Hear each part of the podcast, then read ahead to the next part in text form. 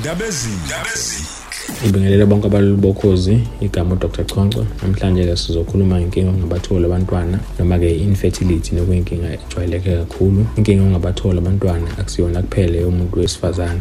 Kodwa inkinga yabo bobabili abantu abasuke bezama ukuthola umntwana ngoba ngenzeka inkinga ibe kumuntu wesifazane ibe kumuntu wesilisa noma ibe kubona bobabili. So kubalulekile ukuthi uma ngabe benale nkinga beze bobabili ukuzo-check ukuthi inkinga ikubani. Ngaphambi kokuthi size sithi ubathola abantwana kufanele kube ukuthi mhlawumbe senizame isikhathi esingangonyaka ukuthola umntwana ningasebenzisi lutho yokuhlela noma yokuyivikela. Niyimbandakanye ocansini mhlawumbe kabili noma kathathu ngeviki ukuze sithi awumtholi umntwana. Ziningi izinto ey'ngabangela ukuthi ungabathola abantwana kumuntu wesifazane nakumuntu wesilisa kodwa ngizogxila kakhulu ey'ntweni ey'jwayelekile. Kumuntu wesifazane okubaluleke kakhulu uqale sibheke ukuthi uya kahle yini esikhathini. Zikhona izinto engabangela ukuthi engayi kahle esikhathini. Uma ngabe mhlampe eshodelwa ama-hormones umuntu wesifazane lokho kuyakubanga ukuthi engayi kahle esikhathini noma enga-ovulate kahle. Okungabangela ukuthi ebe nenkinga yokuthola abantwana noma uma kuwukuthi mhlampe ama-tubes akhe la okukhandeka khona umntwana mhlampe anenkinga. Uma kuwumuntu wakwaba ne-surgery ngaphambilini walimala ama-tubes noma uma kuwumuntu wakwakhulelwa ingane yahlala kuma-tubes into esibiza ukuthi ectopic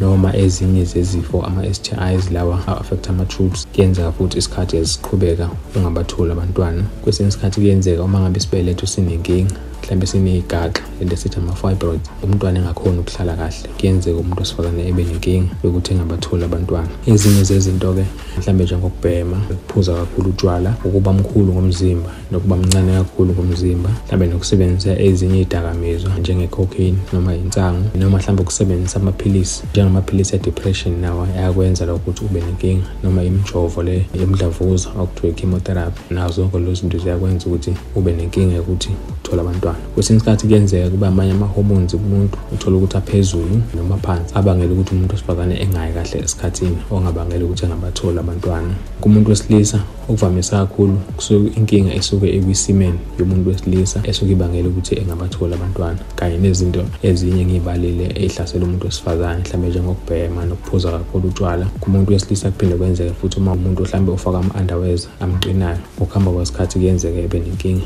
yokuthola abantwana. So kubalulekile ukuthi uma ngabe niza nize nobabili ukuna sobheka ukuthi inkinga ingakubani. Uma ngabe sokwenziwa ama-test kuyayi-check ukuthi inkinga ikuphi. Kumuntu wesifazane kuqale ku-check ukuthi uya kahle yini esikhathini yobade ngisho ukuthi uya-ovulate yini. La kuthathwa khona amagazi uku-check ama-hormones ukuthi izinga lama-hormones lanele yini ukuthi umuntu wesifazane eye kahle esikhathini. Ngoba amanye ama-hormones uma ephezulu kuyenzeka evimbele ukuthi umuntu eye esikhathini esebe nenkinga ungabathola abantwana. Uma ukuthi uya kahle esikhathini kuyaye kubheka ukuthi ama-tubes wona awanayo yini inkinga awablokhekile yena ama-tubes. La okufakwa khona udayi esibelethweni kuthathwa iy'thombe ukubheka ukuthi ama-troops awanankinga yini. Uma kuwukuthi ama-troops awanankinga kuyenzeka futhi kufakwa ikhamera esibelethweni ukubheka ukuthi azikhona iy'gaxa noma azikhona ezinye izinto ey'ngabangela ukuthi umuntu wesifazane engabatholi abantwana. Zikhona-ke nezinye izinto ezenziwayo kodwa izinto ey'jwayelekile ukubhekwa lezi engiy'balayo. Umuntu wesilisa ukubaluleka kakhulu ukubheka ukuthi akhona yini ama-spams kwisimeni ngoba kuyenzeka ukuthi umuntu wesilisa isimeni ayinawo ama-spams at all.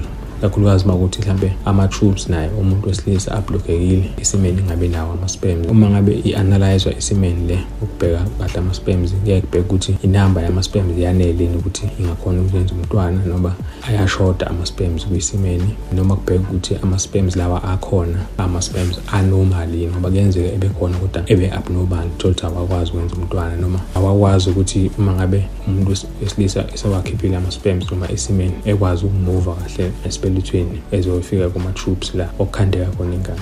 So izinto ey'check-wa kakhulu ilezo bese kuya ngokuthi-ke inkinga ikuphi etholakalayo either kumuntu wesifazane noma umuntu wesilisa. Khona kuzobheka ukuthi ungasizakala kanjani. Isikhathi esiningi kumuntu wesifazane uma ukuthi akayi esikhathini noma unenkinga yama-hormones uyayinika amaphilisi khona ezokwazi ukuya esikhathini ngokwanele ukuthi ekwazi ukubamba umntwana. Noma-ke uma ukuthi inkinga ikuma-troops mhlawumbe khona i-tube eblokhekile kuyaye kuzanywe nge-surgery. Noma ehlinzwe ukuzama ukulungisa lokho. Uma ukuthi-ke zonke imizamo eyenziwayo ayilungi noma inkinga ikumuntu wesilisa okuyaye kwenziwe isikhathi esiningi into ekuthiwa i-in vitro fertilization la khona okuthathwa khona iqanda lomuntu wesifazane kanye nesimeni yomuntu wesilisa kuyohlanganiswa elebhu bese kuhlangene bese kuyathathwa kufaka umuntu wesifazane esibelethweni khona izokwazi ukukhulela khona ingane.